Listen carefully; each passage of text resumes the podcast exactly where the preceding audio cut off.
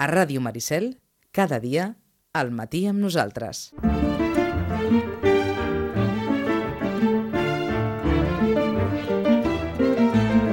Un quart de dotze.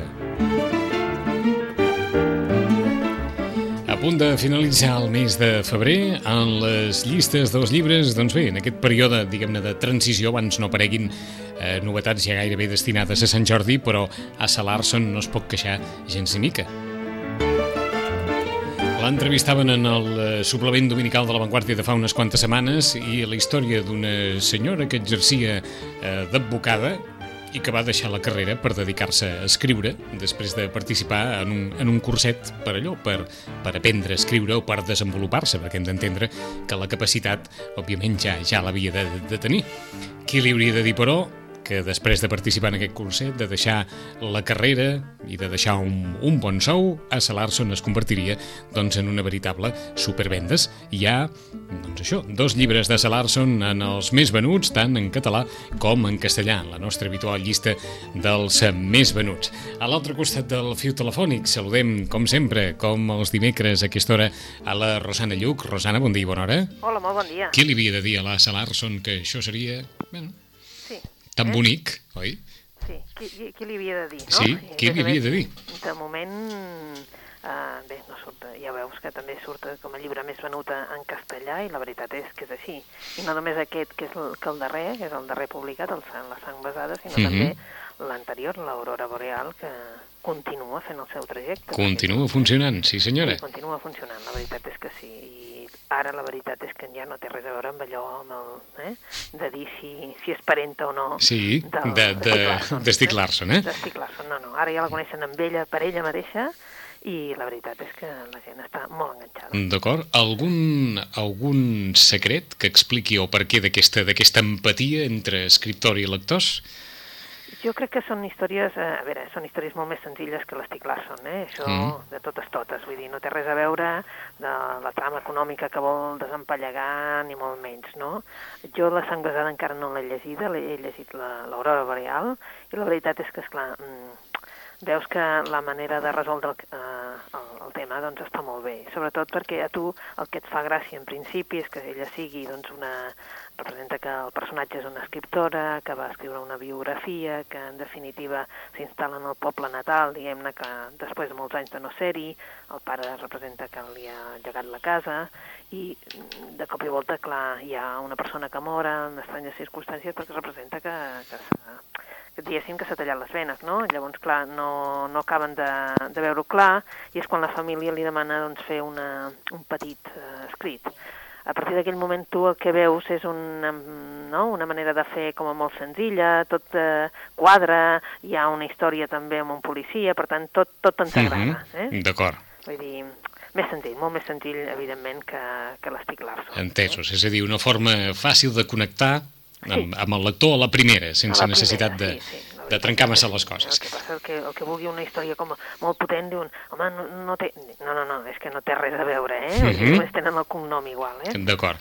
Eh, el que passa és que a la llista han entrat, han entrat bé, novetats, no? bastantes, sí, déu nhi perquè en castellà han, han entrat, per exemple, bé, el llibre de Lucía Echevarría, Lo verdadero es un momento de lo falso, han entrat Lo que esconde tu nombre, de Clara Sánchez, han entrat El tercer Reich, de Roberto Bolaño, segons ens comenta La Vanguardia, la recuperació d'una obra inèdita de l'escriptor xilè ambientada a la Costa Brava, i ha entrat també al capdamunt de tot el llibre de Matilde Asensi, Venganza en Sevilla. I pel que fa a la llista de llibres en català, doncs bé, el darrer premi també, fa quatre dies era protagonista a tots els informatius, Llucia Ramis, o Llucia Ramis, i el seu Ego Surfing, doncs està en el tercer lloc de la llista de vendes de llibres en català i el Boulevard dels Francesos de Ferran Torrent també ha entrat en aquests eh, 10 llibres més venuts.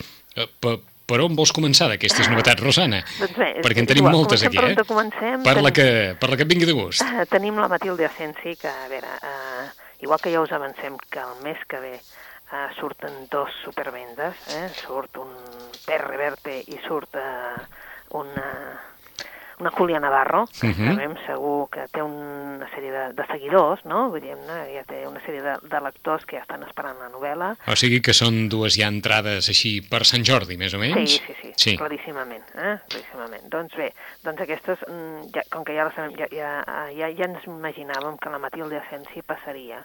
Passa que, clar, ara feia molt de temps, aquesta és com una, és la, les, una saga, eh? És a dir, Mhm. uh, Matilde Asensi, aquesta és la segona novel·la que escriu després de Tierra Firme és la primera i ara Venganza en Sevilla, eh? que ens parla de la mateix personatge, eh? d'una pirata, per dir-ho d'alguna manera, no? Sí. I llavors, clar, um, qui ha llegit Tierra Firme, doncs uh, sí que s'enganxa i diu, bueno, i qui no, la veritat és que molta gent no havia llegit Tierra Firme, s'ha comprat directament Venganza en Sevilla i diu, bueno, bueno, però és que et situes de seguida, no? Um, és una novel·la, diguem-ne, fàcil en el sentit de que doncs, és curteta, és molt curteta, i això també ara veiem que no sé per què, però també agrada al lector, no? que no pesi gaire, que sigui curteta, perquè prefereixen dos que no una de molt doble, pel tema de pes, no? D'acord. Tot, i que, tot i que en els darrers mesos i anys se n'han passat els lectors...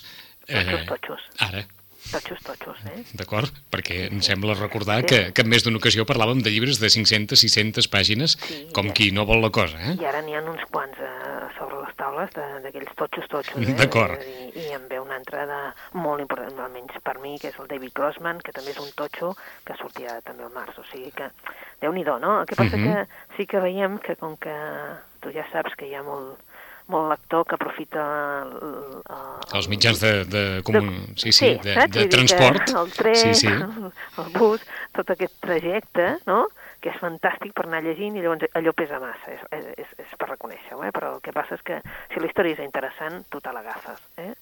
Tens, eh, per exemple, el, el Mòquia que, eh, que continua doncs, amb les seves històries i realment és el més venut, eh, però de debò. Mhm. Um, aquest del Tercer Reich jo no l'he llegit, el Roberto Bolaño, però que de vegades tens com una aprensió, no?, d'aquestes obres que ell no havia volgut escriure, D'acord. publicar, no? Doncs I dius, perquè- bueno, ja, ja. ja me'l reservo, eh? Ja me'l reservo. El que passa que sí que ja veus que hi ha seguidors del Roberto Bolaño. i és Entesos, però, però en aquest cas, eh, eh, per dir-ho d'alguna manera, eh, mm, eh, prioritzes la intenció de l'escriptor en el seu dia de no publicar-ho Sí. com a, com a un criteri de valor, per dir-ho així?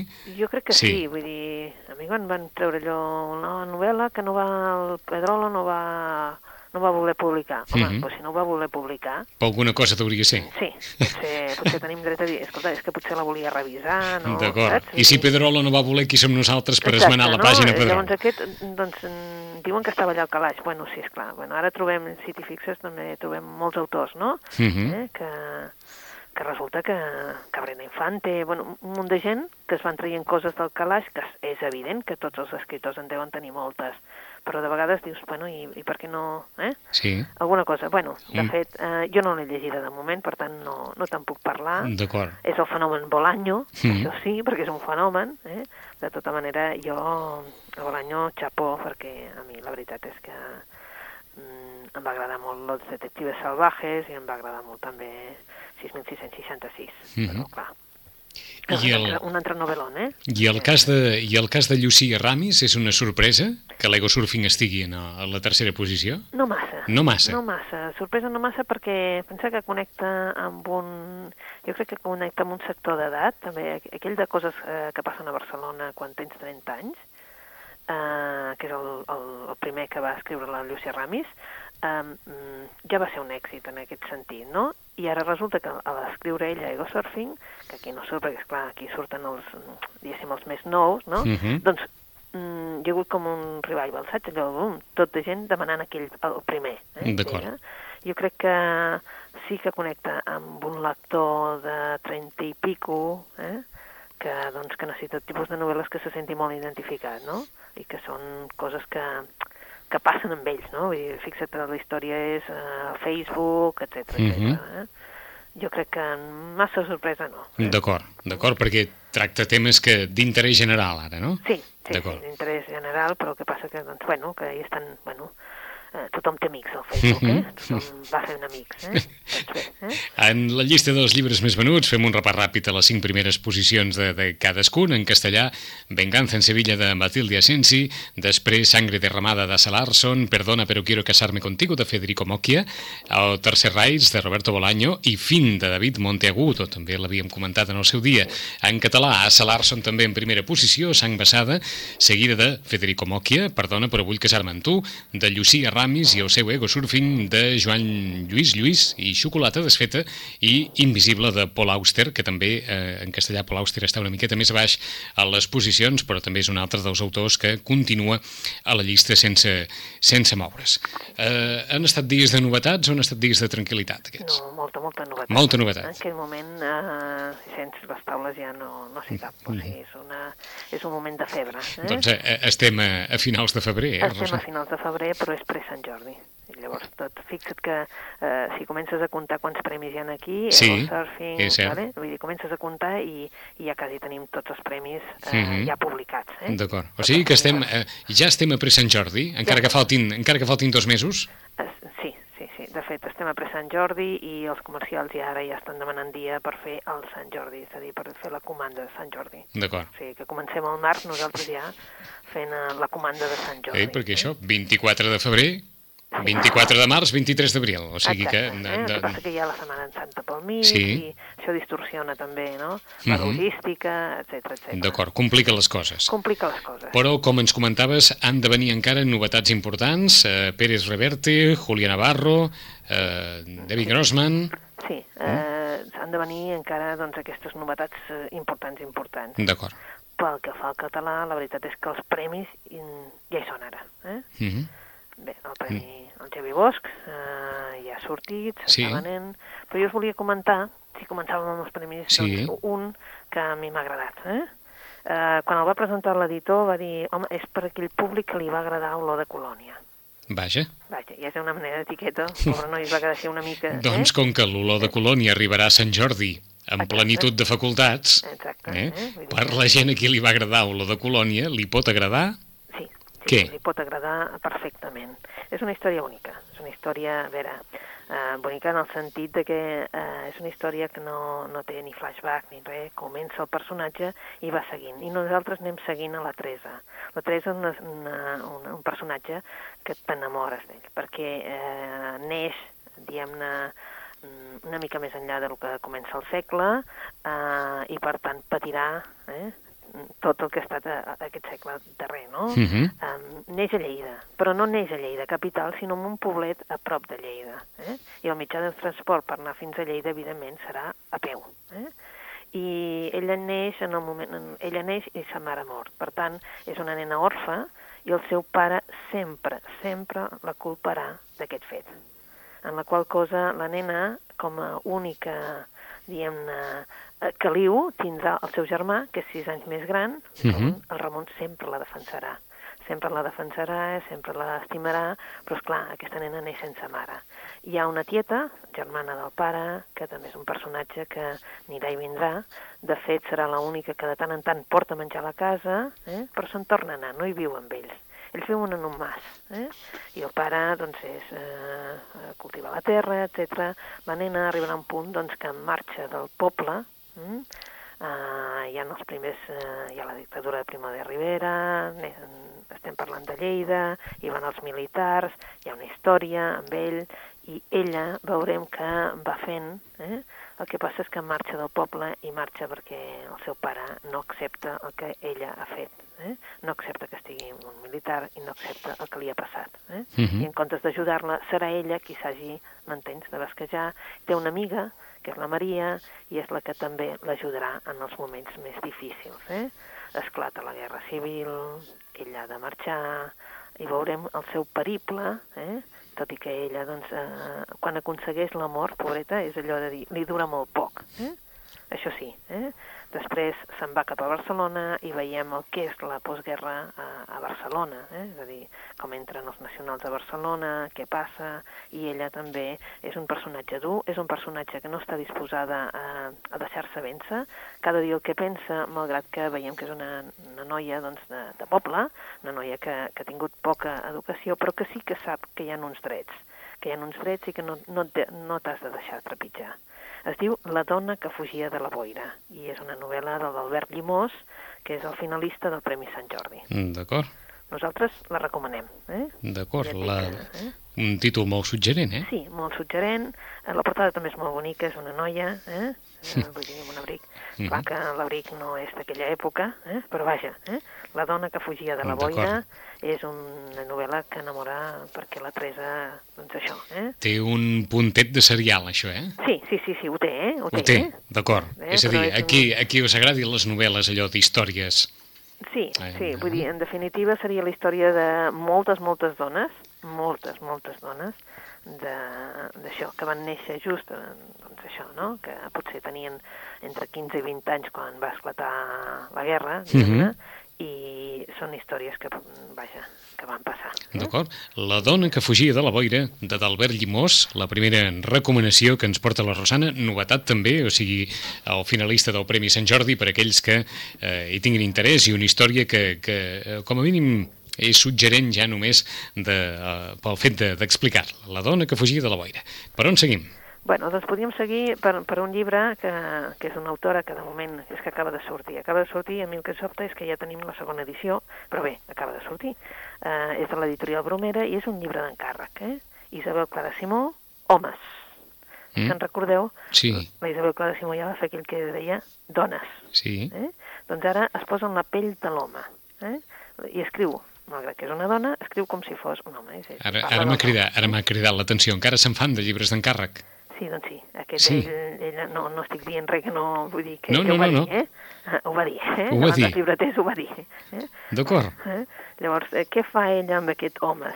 Doncs ens presenta tots els estereotips que tu et puguis imaginar, Uh -huh. doncs els estripa aquí. Eh?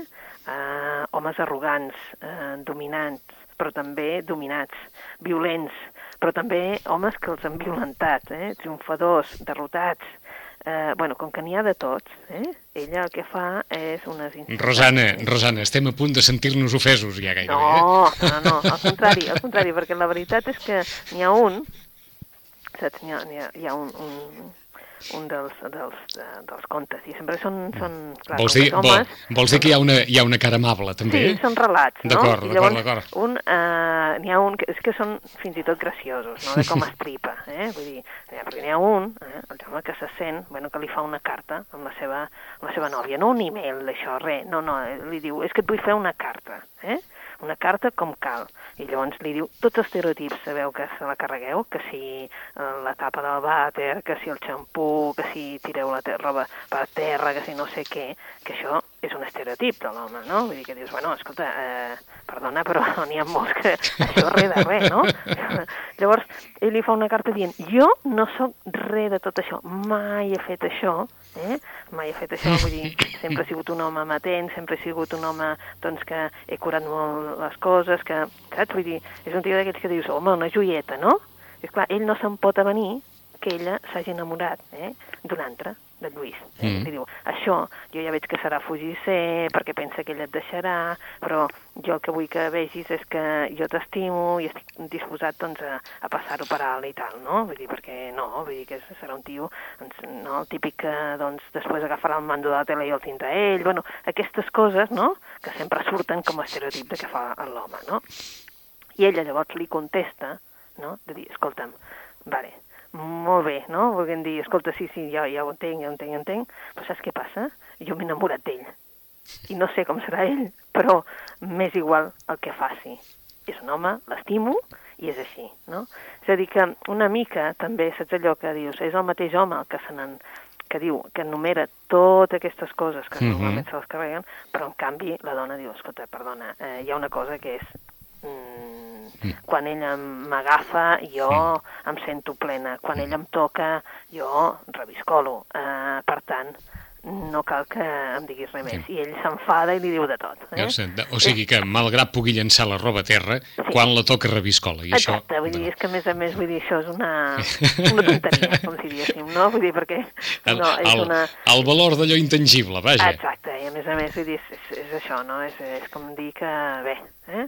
que, que els homes sempre tiren la roba mm -hmm. a mhm. terra, que quan es despullen, pam, tot va a terra i que l'altre l'ha de recollir bé, és un estereotip, i llavors el que ha fet ella doncs, és eh, veure diferents tipus d'homes, no? Això sí, eh? vull dir, veient que de vegades ens passem dient aquestes coses. D'acord. No? Suposo que és un llibre per agafar eh, en qualsevol moment sí, sí, i des sí, de són qual... narracions curtetes, com tu dius, saps? Vull dir, allò, una mica per riure, eh? D'acord. Les coses com siguin, eh? No mm. és allò... Eh? Vols dir que no, no ningú pensi en, en res massa transcendent, no, sinó no, per no passar... És, no és, no D'acord, no per passar una bona estona i ja està. Exacte, no és un llibre transcendent, no... res de tot això. Eh? Mm -hmm. Res de tot això. O sigui, històries aïllades que es poden agafar com es vulgui. Exacte. D'acord. Vull dir, mm? sí, són d'aquells llibres, saps? Mm, saps quan la gent demana un llibre divertit, un llibre... D'acord, doncs mm? aquest. Aquest, eh? Mm? Aquest. Eh? D'Isabel Clara Simó, llibre per encàrrec, com definia la mateixa escriptora, Homes, històries Home. aïllades amb tots els estereotips abuts i per haver sobre el gènere masculí. Més coses. Més coses. Doncs una autora que l'han traduïda al català i al castellà. Uh, aquest últim llibre que parlàvem de, de l'Isabel Clara Simó és de Bromera i ara el que tornem a dir és de Bromera. Eh?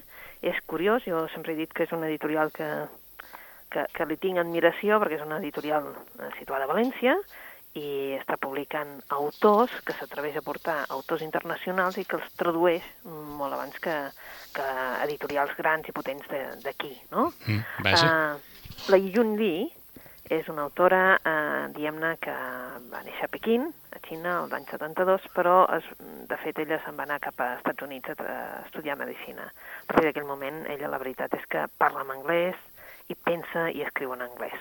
Eh? És a dir, que mm, va decidir deixar la Xina eh, lluny. Eh? Uh, està establerta a prop de San Francisco i la veritat és que fa una vida totalment nord-americana, però les seves novel·les retraten doncs, uh, diguem-ne, les seves arrels, Xina. Eh? Um, ens parla d'una ciutat provinciana de la Xina dels anys 70, uh -huh. que, que es diu Riu Negre, eh? i que mostra aquello, una mica d'obertura eh, després de la revolució cultural. Eh? La jove Gu Shang, que és una noia audaç, que ha renunciat a, a això, al comunisme, evidentment és condemnada a mort. Eh? Per què? Perquè s'ha atrevit a ser dissident. Eh? Ningú dels presents en l'execució pública imagina l'impacte que allò, allò que estan veient tindrà a les seves vides. Eh? El que fa la Yuyun Li és eh, doncs, parlar-nos amb molta delicadesa la vida d'uns personatges, uns personatges que la veritat que són històries de resistència, de sacrifici, de perversió, vale? i també de valor. I el que fa és retratar una mica, doncs, eh, doncs això, el coratge que tots tenim a dintre. No? Mm -hmm. És un, clar, és una, una història que, que ens commou perquè marca la vida de, dels, dels protagonistes del llibre, però també et fa pensar moltíssim en què va representar la revolució cultural xinesa, no? Mm. I, tot, eh, I la quantitat d'execucions que continuen avui dia encara doncs, i que la veritat és que aquí mm, bé, se n'entenem i no se n'entenem, eh? però bé, es diu Les portes del paradís. Eh? Les portes del paradís. Les portes del paradís. Ja us avisem que és una prosa molt maca, una uh -huh. prosa molt acurada i que la traducció doncs, també em fa honor. D'acord. O sigui que encara que es tracti d'una persona ja plenament inserida dins la cultura anglosaxona, la forma d'escriure i l'esperit de l'escriptura ens acostaria també a, a les arrels de molts escriptors i escriptores orientals? Sí, sí, sí, perquè el que fa és que, esclar, ella va sortir, però va sortir perquè millor mm -hmm. que sortís, eh? D'acord. filla de, de, de, padre, de pares dissidents, també. Mm -hmm. eh? Doncs, I per tant, doncs, eh, vull dir, en definitiva, doncs, és d'aquesta gent que, que ara no hi pot tornar. Mm -hmm. Les portes del paradís de Yundi, a través de la història d'una dissident condemnada en el seu dia de Yu Chan i com eh, la societat que l'envolta canvia o queda eh, francament impactada arran d'aquesta història personal.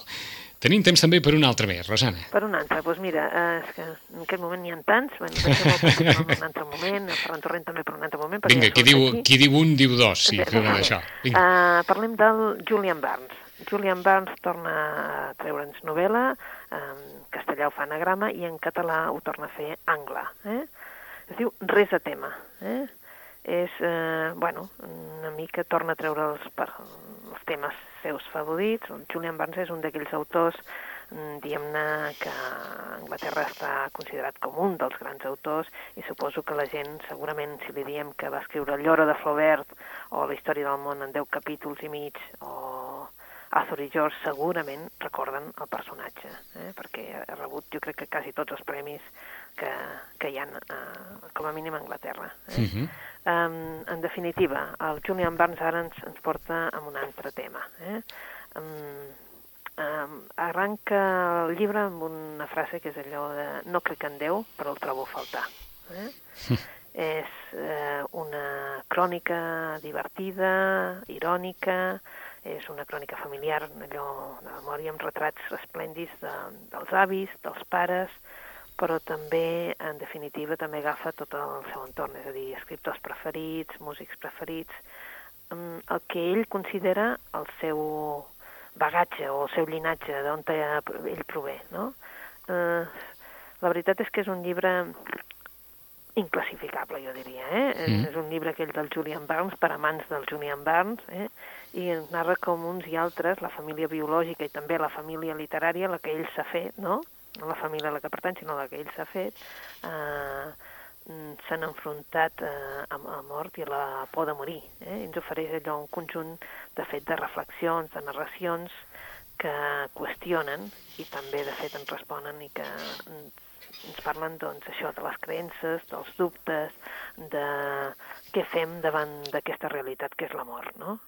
El resultat per això és una és un parlar de la vida, de l'art, de l'esperit de la pintura, de la música, de l'escriptura, i en definitiva és un parlar de tots els temes que amb ell eh, li, diguem-ne, formen el seu esperit, Mhm. però alhora doncs, enfrontant-se de que això s'acaba i que hi ha la mort i que la tenim aquí present. D'acord. O sigui, una reflexió davant de la mort a partir de, de la vivència personal. Sí, sí, perquè saps, ho fa a un nivell personal i tu dius, bueno, no sé fins a quin punt això és personal o no és personal, no? Quan parla de cendres del meu pare, eh? i diu, bueno, comprenc que la vida depèn de la mort, eh? que per començar no tenim un planeta sense la mort prèvia de les estrelles que es destrueixen. Uh -huh. Bé, clar, et diuen això i dius, no, no, sí, és, és que és cert, és a dir, que, per, que una cosa neixi i resulta que una, una altra n'ha mort, no? Sí, sí, sí. però mm, allò que diu, bueno, i quan em pregunto jo mateix, bueno, i per què d'experimentar la mort, no? Clar, és a dir, que és un llibre una mica doncs, que t'enfronta, eh, en definitiva, als grans temes. Eh? Mhm. Vull dir, ho dic perquè no és una novel·la així com a la història de la Flaubert o la història de, de Món en 10 capítols i mig, és una història divertida, en definitiva. No? Una història irònica, divertida. Aquí eh, ens trobem amb un Julian Barnes molt madur, mm? eh, d'aquells que diuen, bueno, ja em queda, em queda menys per... Eh, vale? He Sí, viscut sí. més del que em queda per viure, per dir-ho d'alguna manera, no? I per tant ja el tema de la mort està molt present. Uh -huh. O sigui, un assaig novel·lat, gairebé, Sí, eh? eh, això, això seria la definició. La potser, definició, un eh? assaig sí, la novel·lat. definició seria això, eh? Mhm, res a tema. Que, que clar, que és, és, és molt sincera, no? I de vegades, doncs clar, com que és ell, saps? Fa aquella ironia anglesa, aquella broma, Mhm. que fa que tu mm, no et posis així de dir, bueno, esclar, és que estem parlant de temes molt serios. Sí, però de cop i volta doncs et surt amb un estirabot, no? D'acord, que permet eh, desoxigenar una miqueta la, la qüestió, eh? sí. Doncs la, la frase inicial segurament ja és prou lapidària. No crec en Déu, però ho trobo a faltar. Exacte. De Julian Barnes, res a tema, també una altra de les, de les novetats i una de les lectures, diguem-ne, més reflexives que, que ens proposa la Rosana per avui. Per acabar, una anècdota. Què deu tenir el Secreto? Que porta, 100, que porta 132 setmanes. És un secreto, eh? És un secreto, eh? És un secreto. Eh? 132 setmanes i avui en el número 2 de la llista de, dels més venuts en, en castellà, és a dir, està a punt de fer 3 anys aquest llibre a, a les llistes dels llibres més venuts. No hi ha res que se li assembli des que, des que parlàvem de, ja no recordo, però... mm, No, fa- ara mateix no. Ara res, mateix sí, sí, clar, no- no hi ha res, Seria, no. doncs, eh, el Ruiz Zafón seria Per exemple. que, no? Però clar, Però no hi ha res que se li costi ara, eh? no, no, no, i, i pensa que és un llibre que és, que sí és una, una enquadernació és, és molt, molt bonica, no? Un llibre quadradet, petit, amb enquadernació molt bonica, però és que el preu mm, ja són 22 euros, és a dir, que, que dius, noi, eh, què té? Doncs és que té el boca-orella.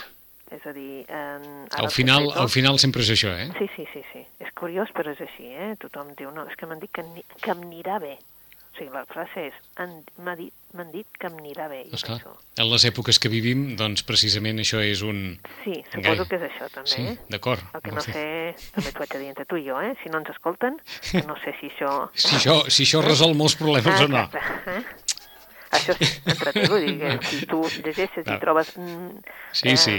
Només que trobis una frase ja és important. D'acord, No, d'acord. Eh, en qual no substitueix una visita a l'especialista cas que No. algú ho necessiti, No, però no deixa de ser un llibre que proposa, eh, com deia la Rosana, frases, reflexions en veu alta, Sí, eh, que- on agafar-se en algun moment de... Exacte, i que, que tu en el moment que tinguis les agafaràs d'una manera i, i un dia Mhm. les passaries per alt i en canvi ara en aquest moment pues, pues, potser et faran reflexionar i veure no, l'altre costat. D'acord. Eh? Entesos. Qüestió final. Alguna novetat sobre el llibre electrònic o no hi ha moviment amb això encara? De moment, tota aquesta la plataforma, la gran plataforma digital, no hi ha manera que diguin exactament ni, saps, el grup, eh, els, tres grups, eh, quan surten, què tindran preparat, mm, res. Tothom té por dels drets d'autor, eh? I de les descàrregues. Res, res, no hi ha res. O sigui, tu vas amb ells, eh, et conviden a dinar, no sé què, Sí. i dius, bueno, i quan? Per això, mm, no ho sabem.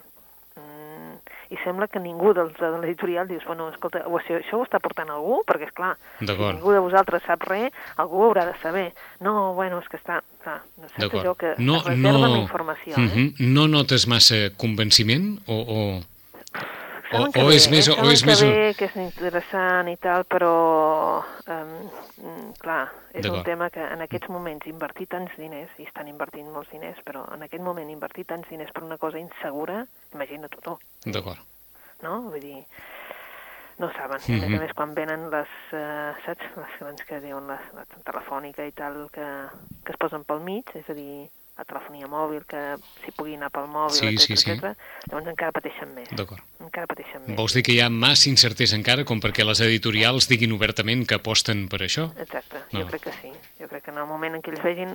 A veure, apostar de, diguem-ne, de convenciment sí, però Mhm. apostar realment mm, no es veu. És a dir, sí, tothom hi és, vull dir, tothom diu que sí, però no es veu, saps? Vull dir, Mhm. bueno, vale, però en qui, com sortirem, en què farem? Mm, mm, Res, què fareu? Vaja, D'acord. no, no saben res. D'acord. O sigui que de moment la tecnologia va per endavant, Mm.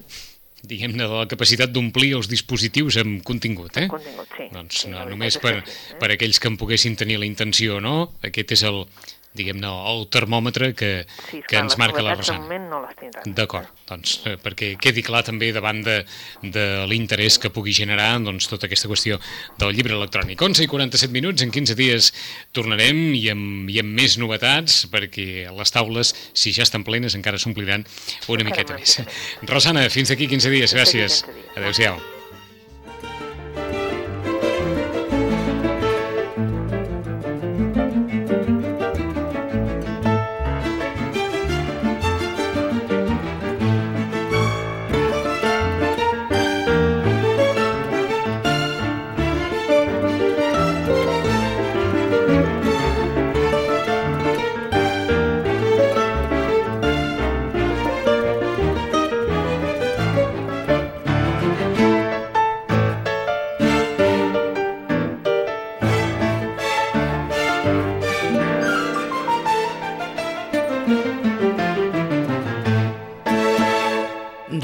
Ràdio Maricel, 107.8 FM.